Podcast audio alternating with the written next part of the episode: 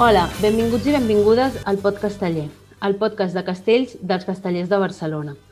Avui engeguem aquest projecte que vol apropar-nos els uns als altres en una època en què estem trobant molt a faltar fer allò que ens agrada. I no només els castells en si, sinó també la seva gent.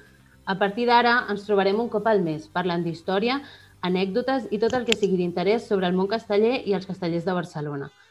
Amb l'Aida Boaro farem aquest podcast a quatre mans, convidant persones que ens ajudaran a parlar de tots aquests temes. Bon dia, Aida. Com va tot? Hola, Maria. Tot genial. Encetant amb moltes ganes aquest projecte. Perquè en aquest cas, la bona confitura no està ni en el pot gran ni en el pot, ni en el pot petit. Està en el pot casteller. Avui, eh, aprofitant que tenim molt a prop el 8M, volem fer la vista enrere a fa un any. Els assajos de febrer i març, després de Santa Eulàlia, eren especials. L'objectiu estava molt clar. Tornar a fer història i descarregar el primer 7 de 7 amb nuclis, tronc i canalla íntegrament femenins. L'esforç de les que no havien fet mai res semblant, la perseverança de les experimentades a donar seguretat a les companyes i el sentir-se part d'un tot van crear un sentiment de companyerisme preciós. Dones que no feien castells habitualment, que estaven a la botigueta, que feien fotos o que només acompanyaven els seus fills i filles a fer castells, es van posar la faixa per aconseguir-ho. Era un projecte de totes, era un projecte de colla, i aquell 8 de març el vam descarregar, i les castelleres de Barcelona van tornar a ser història. Era el primer 7 de 7 femení, però d'on ve això de fer castells de dones, Aida? Doncs, com moltes ja sabreu, és sabut que des de l'inici dels castells fins a finals del segle passat, el paper de la dona al món casteller era bàsicament d'acompanyant, i tant a les pinyes com als troncs i als poms de dalt hi participaven només els homes. A mesura que el fet casteller es van exportant cap a la zona tradicional, va canviar-ne una mica la dinàmica general. I no va ser fins a finals dels 70 que, gràcies als Vinyons de Terrassa, principalment, la dona va incloure's a les diferents posicions dins dels castells. Això va permetre un avenç tècnic i social, evidentment, i avui en dia és inconcebible fer castells sense la participació de les dones, que suposen gran part, de, gran part del tronc dels castells i aproximadament un 40% de la colla, de les colles en general. No obstant això, pel que fa als càrrecs de responsabilitat i, les, i de gestió de les colles castelleres, segueix havent-hi un desequilibri molt evident. Eh, només hi ha 35 presidentes per cada 5 colles castelleres i 17 caps de colla per... bueno, i 17 caps de colla. per tot això, és tan important reivindicar el paper de la dona al món casteller. I els castells femenins i les diades de dones són una bona manera de donar-ne visibilitat, però sense oblidar que s'ha de fer durant el dia a dia, no només en aquestes dates assenyalades. I nosaltres, castells de Barcelona, som bastant, una colla bastant pionera en això, en introduir les dones en posicions eh, en les quals no són habituals, i aquesta diada de la que parlarem avui la compartim amb Xicots de Vilafranca, que també és una colla que és bastant coneguda per, per apostar per les dones en aquestes posicions també. Doncs sí, i la diada de la que parlarem és de la del 8 de març de l'any passat. Uh, I per parlar d'aquest dia, avui tenim amb nosaltres a Montse Patxón, que era segona d'aquell set de set femení. Hola, Montse. Hola, Maria, què tal? També tenim la Irene Manyaner, que era quarta del set de set. Hola, què tal, noies? I també la Fra Suárez, que era baixa del set de set femení. Hola, Fra. Hola, què tal? Eh... A totes les persones que passeu pel podcast taller eh, us farem unes petites preguntes per conèixer-vos una miqueta millor. Així que la primera pregunta és quants anys, que, quants anys fa que feu castells. Si voleu, fem aquest ordre per les preguntes que farem a Fra, Montse i Irene. Vale? Vale. Doncs, Fra, quants anys fa que fas castells?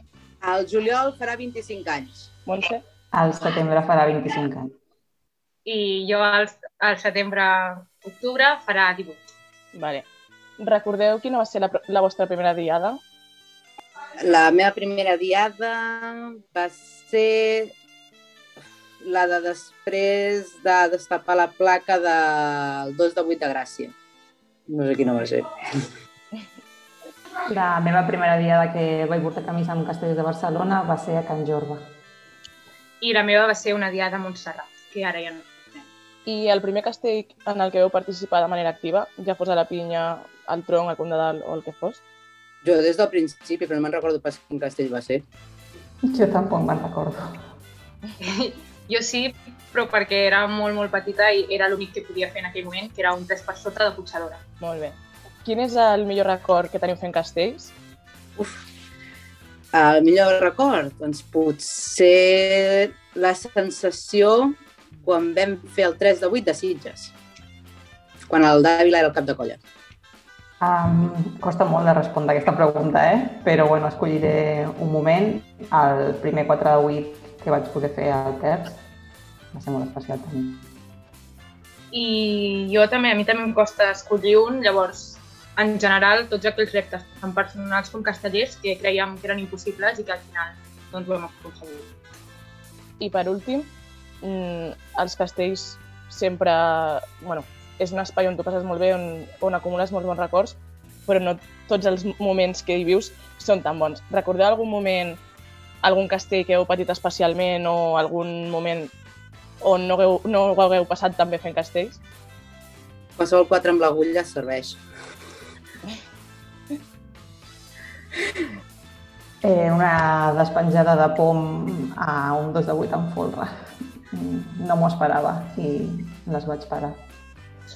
I jo crec que em quedo amb tots els gamma extra que hem portat a plaça i que la feina que hem fet a assaig no s'ha vist recompensada després amb el resultat a plaça. Ara uh, parlarem d'aquest 7 de 7, però abans hem preguntat a les vostres companyes com recorden aquell dia i ho hem resumit així en un, en un petit àudio que ara, que ara us posarem. El recordo com un dia super, super, super emocionant i que no, no podré oblidar mai. I després del que va venir durant l'any, encara amb més motiu. Al principi estava molt nerviosa, però després m'ho vaig passar molt bé, ja que va ser un dia molt especial i vam fer història. Em, sobretot molts nervis, però amb moltíssimes ganes, i al descarregar el set, molt d'orgull i d'emoció del que havíem aconseguit. Orgull de ser dona castellera.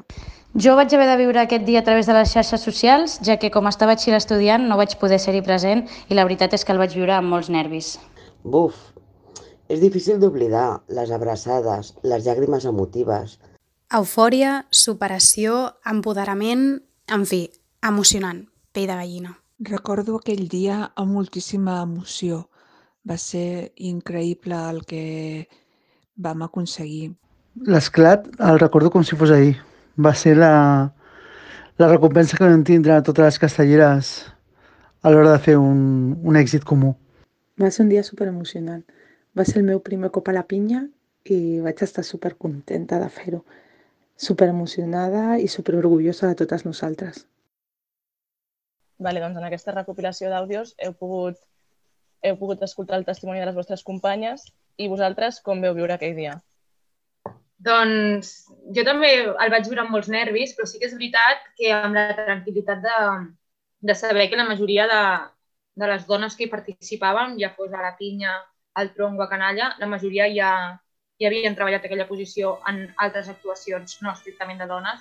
Llavors jo crec que també el sentiment era de, de confiança plena amb les demés i saber que sí, era el primer set de set femení, però que totes o la majoria teníem un bagatge darrere que feia que el fet de ser un set de set femení fos insignificant i era simplement el, el repte compartit, però, però perfectament capaces de fer-ho.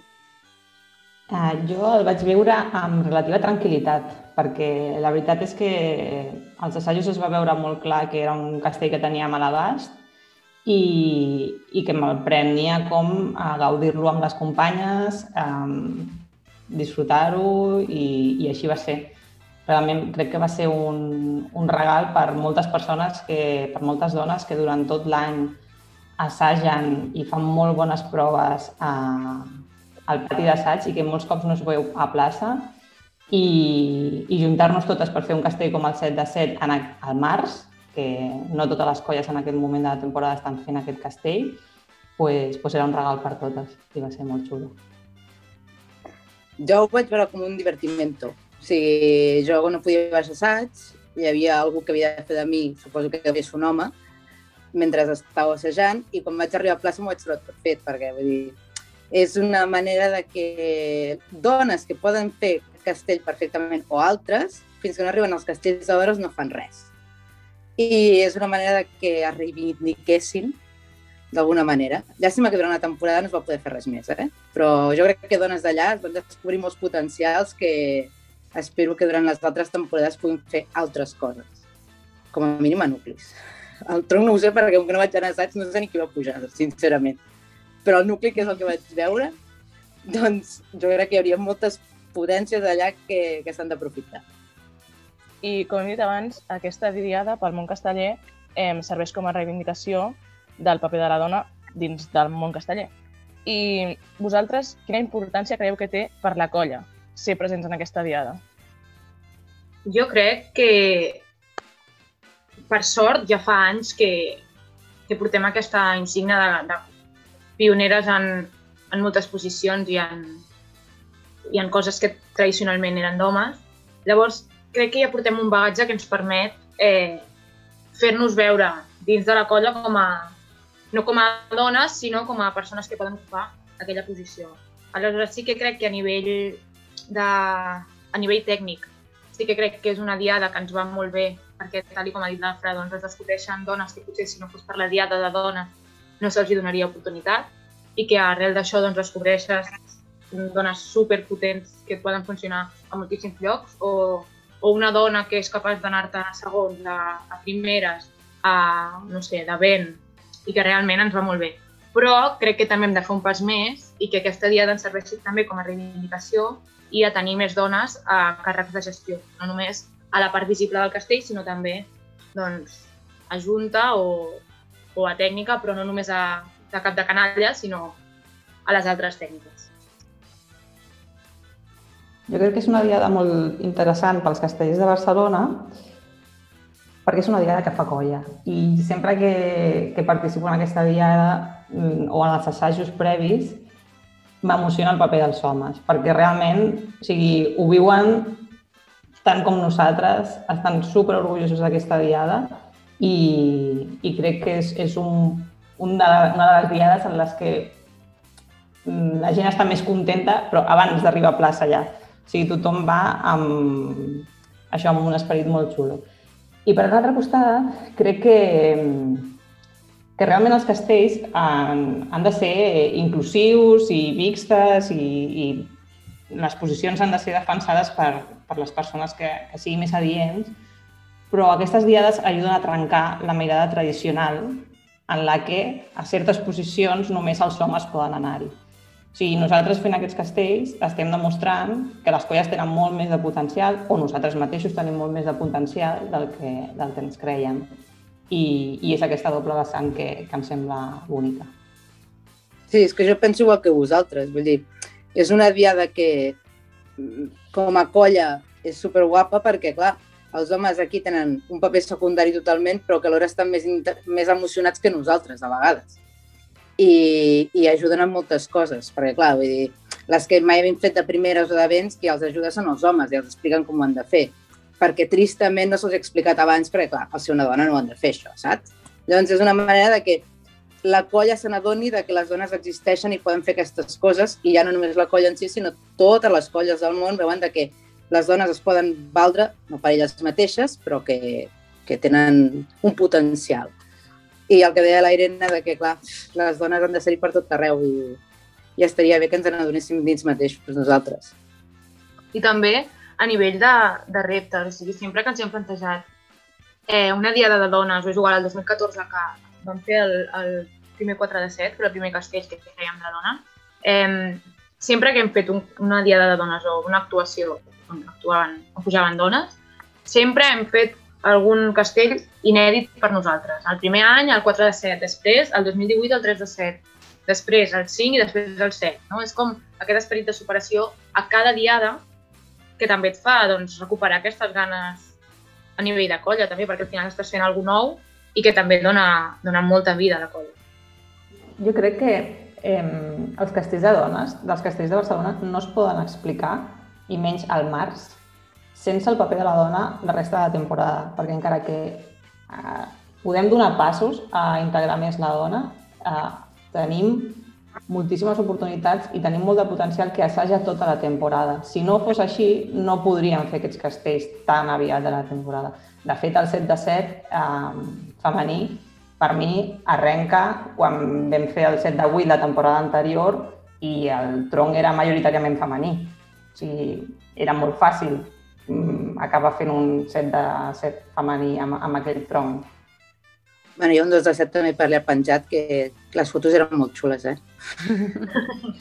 Sí, de fet, això ho, ho parlarem ara quan, quan d'això, perquè també ho abordarem. Um, però primer, parlant del tema del 7 de 7, uh, les setmanes prèvies, durant els assajos, quines complicacions li veieu al 7 de 7? Jo me'n recordo que sí que és veritat, és el que diu la Montse, que la majoria de, a nivell de tronc, la majoria de, de dones que hi anàvem i havien fet el 7 de 8 o havien fet algun 7 de 7. I el que sí que recordo és que se'ns obria molt i que ens costava molt el, el tema d'obrir-nos perquè no podíem parar. No sé si pel pes o no sé ben bé què ens passava, però que ens costava molt i el 4 se'ns obria molt. I jo crec que aquest potser era un dels hàndicaps que, o almenys jo, veia portar-lo a plaça, perquè pensava, aviam si amb la pinya ens passarà el mateix. Inclús quan fèiem sobre pinya també ens passava. Però mira, al final va anar superbé, la veritat, molt millor que els assajos, però sí que aquest tema era... Bueno, jo el veia complicat, perquè no veia la manera de salvar-lo. La veritat és que els assajos jo el que recordo és que vam fer moltes combinacions possibles per, per trobar no, la, la, la que s'aguantava. Eh, sí que és veritat el que diu l'Irene, el repte bàsicament estava en l'encaix entre baixes i segones i, i aquí vam haver de fer una mica també de bueno, córrer a fer proves que també no són fàcils de fer perquè a un inici de temporada haver d'estar fent pinyes de set a l'assaig doncs un dimarts, per exemple, doncs hi ha poques mans i passa el que, el que explica la Irene, no? que, que amb segones inexperimentades, a nuclis també amb molta gent debutant, ens passava això, però he de dir que sempre vaig tenir la confiança de que a plaça no ens passaria. Que el dia a plaça tindríem molta més gent, estaríem totes molt, molt més concentrades i, i va sortir, és que realment em va al·lucinar una mica que, que les que estaven debutant eren les que estaven més, més còmodes al castell i, i va ser molt guai. I l'any anterior a fer el, el 7 de 7, el gran repte va ser el 5 de 7 creieu que el fet d'haver-lo descarregat eh, i haver-lo repetit després de la Dia de Dones va ser una facilitat a l'hora d'encarar el set? Anàveu més tranquil·les per haver fet el 5 de 7 abans? I és que crec que en el 5 de 7 crec que en general estàvem potser més nervioses, perquè jo crec que el 7 de 7 ja anàvem com més confiades de si evidentment és un repte gran i, i no ho hem fet mai, però jo crec que teníem molta més confiança en que ho podríem fer. I en canvi el 5 crec que era més com l'aventura, no? d'haver fet molt bones proves i saber que el teníem bé, perquè realment les proves eren brutals, les del 5, amb res ho vam treure. I, però sí que és això, no? el fet de, ui, 5 de 7 són ja moltes dones en moltes posicions i, i que bueno, creiem que costaria més. I per això jo crec que el 5 va ser més difícil. Inclús el 5 de 7 del 2020 també crec que estàvem més o menys igual de nerviosos que l'any anterior, perquè tot i haver-lo fet ja, no era el mateix tronc estava renovant gent a diferents posicions i per molta gent era el primer 5 de 7 que feia en aquella posició o, o participant activament. I jo crec que el 5 de 7, per molt que havíem fet el 7, crec que a nivell de colla ens produïa com, com més nerviosisme o més inseguretat que no el 7, però pel, pel que portàvem, eh? no, no perquè no fossin capaces, que està clar que sí, perquè ho vam fer molt bé. Jo comparteixo totalment el, el punt de vista de la Irene. El 5, el primer any, Mm, va ser un repte que quan la tècnica ho va començar a dir, no, doncs totes estàvem una mica sorpreses i no les teníem totes. Va sortir molt bé, però el segon any jo haig de dir que li tenia bastant més respecte al 5 que al 7, perquè, com expliques, hi havia molts canvis a moltes posicions, els assajos, s'ha de dir, no en sortia tan bé com el primer any, sigui que els titulars se'l van portar al cert perquè era el primer i, i era molt important, però el 5 tenia també la seva complicació, diguéssim. Tornar-lo a repetir, no? que, que ara sembla ja que fer un 5 de 7 femení és una cosa que es fa en dos dies. El, el vam suar el segon any, tornar-lo a revalidar tampoc vaig anar als assajos, però clar, jo aquí vaig fer de baix a tots els castells, o sigui, els dos cincs que es van fer l'any passat, bueno, l'altre any sí que hi vaig estar també. Sí. I, i jo, al contrari que elles, crec que el 5, com a mínim per mi, eh, jo estava més tranquil·la que el 7. perquè el 5 n'havia fet molts més, que de 7 només havia fet un 7 de baix. Llavors, doncs, clar, per mi era molt millor fer el 5 que el 7. Però, clar, ja et dic que no ho sé.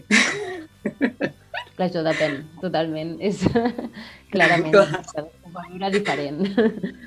Més enllà de la part tècnica, um, m'agradaria parlar de com va ser la relació entre, entre vosaltres durant els dies previs a la diada i quina és la relació, si creieu que realment que, us ha, que ha canviat la relació que teniu entre vosaltres des de llavors, perquè sí que és cert que es van fer pues, una trobada el dia abans i, i es van fer coses com per fer més equip. Llavors, res, m'agradaria preguntar-vos que si creieu que la relació entre vosaltres va canviar des de llavors i com va ser. Sí, jo crec que al final la relació, més que ser de, de persona a persona, és poder ser del col·lectiu de dones de la colla, no? Perquè el que explicaven abans, eh, de que es donen moltes converses de com fer això, com fer l'altre, persones que potser normalment estan en, en, en un altre paper a dins, a dins de l'assaig, doncs clar, és que al final, bueno, no, els castells perquè, perquè es, es genera aquest, aquesta cohesió, no? perquè estem treballant mà a mà i els assajos previs van, van ajudar moltíssim a això, a, apropar-te a persones que potser no t'havies apropat més que esporàdicament, a treballar juntes, a suar juntes, a, a donar-ho tot juntes i a celebrar-ho juntes. Que clar, que de cop eh, me'n recordo que el primer any no, que vam fer el 5 de 7, quan mirava després les fotos i amb ella abraçada i plorant amb companyes de la colla i pensava, hosti, era algú que abans d'aquesta diada pràcticament mm, no, no sabíem ni qui érem l'un amb l'altre, no? I, I mira ara. I això també és lo, és lo maco. I també que a mi m'agradaria destacar que hi havia moltes dones que venien a la colla i es sentien part de la colla, però no entraven activament dins el castell. I arrel d'haver de fer el 7 de 7, que evidentment necessitava un gruix gran de dones, doncs es van animar i, i per exemple, el testimoni de la Bane, que ho van viure superintensament i jo crec realment que, que va ser el, el, el pas a introduir-se activament a, a les pinyes dels castells, ja no de dones, sinó en general. I també eh, recordo haver fet activitats, no? com per exemple vam fer un taper sex les dones de la colla, eh, o pel grup de WhatsApp que teníem moltes dones, no? d'anar animant-nos i, i cançons motivacionals pel set i tot això.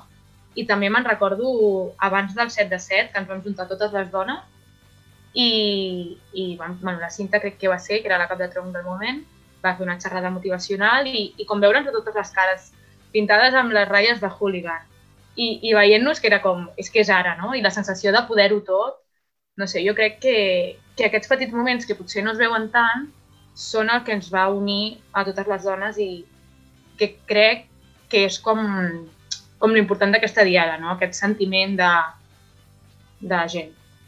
Sí, jo crec que és això, eh? que és el col·lectiu més que, que amb, amb persones en concret.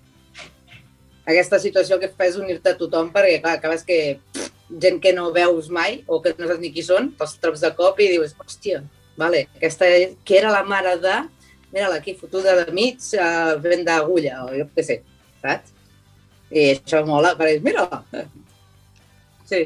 Vale, i ara, per si ens està escoltant algú de fora, farem una petita revelació, però bueno, eh, com bé sabreu, vam començar a assajar el 2 de 7 femení. Eh, mm. com, com ho veieu? A més, la Irene i la Montse justament formaven part de, del tronc, de l'alineació que assajàvem. Eh, el veieu assolible i on creieu que està el límit dels castells femenins? A veure, jo, mm, o sigui, quan l'he assajat, bueno, quan l'assajo, vaig de quarta. Llavors, clar, la Torre de Set és un castell que ja he fet de quarta. Aleshores, en principi, jo no hauria de tenir molts problemes perquè al final ja l'he fet, però sí que és vital que se't presenten tots els problemes possibles en el moment en què t'enteres una torre de set femenina perquè el tronc és més petit, les terces són petitones, les segones són petitones i al final cada cop que passis és important i més en una torre. Aleshores crec que en el nostre cas la clau ha de ser a la canalla. Crec que ha de ser canalla petitona, fina i, i amb experiència, no? que aquesta canalla ja hagi viscut torres perquè crec que serà el, el punt per tenir-ne. Crec que quan tinguem això és perfectament assumible fer una torre de set femenina. Jo el primer dia que, em van preguntar que com la veia per assajar-la, mm, recordo que vaig pensar que, uf, que un 2 de 7 és un castellàs.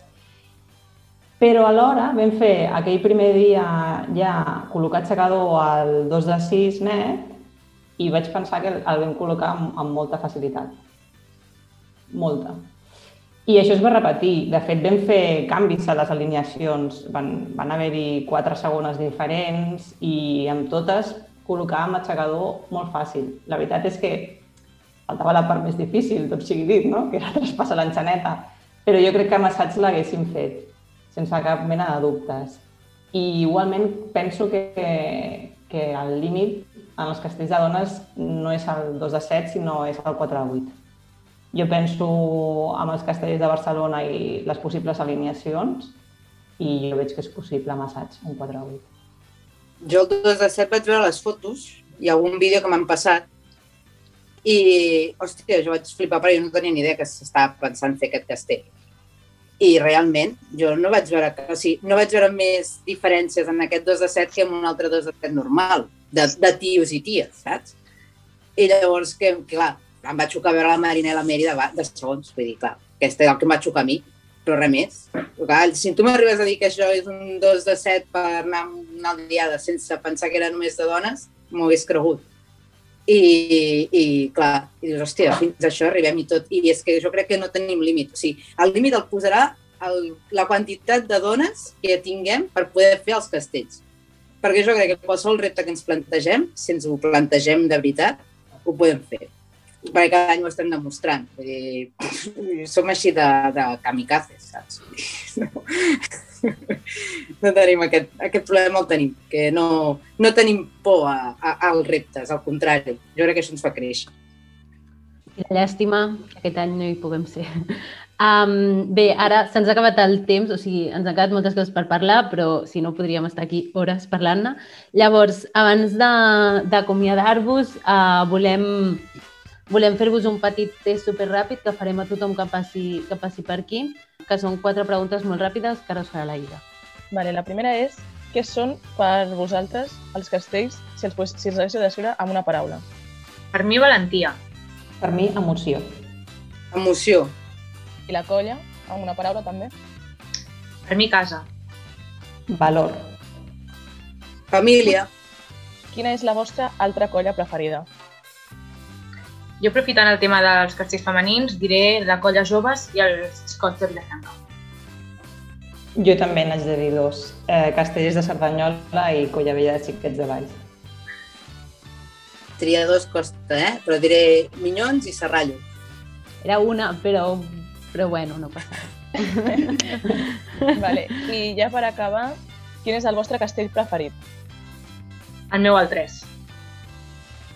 El 4 no, sense folre el 3 per sota.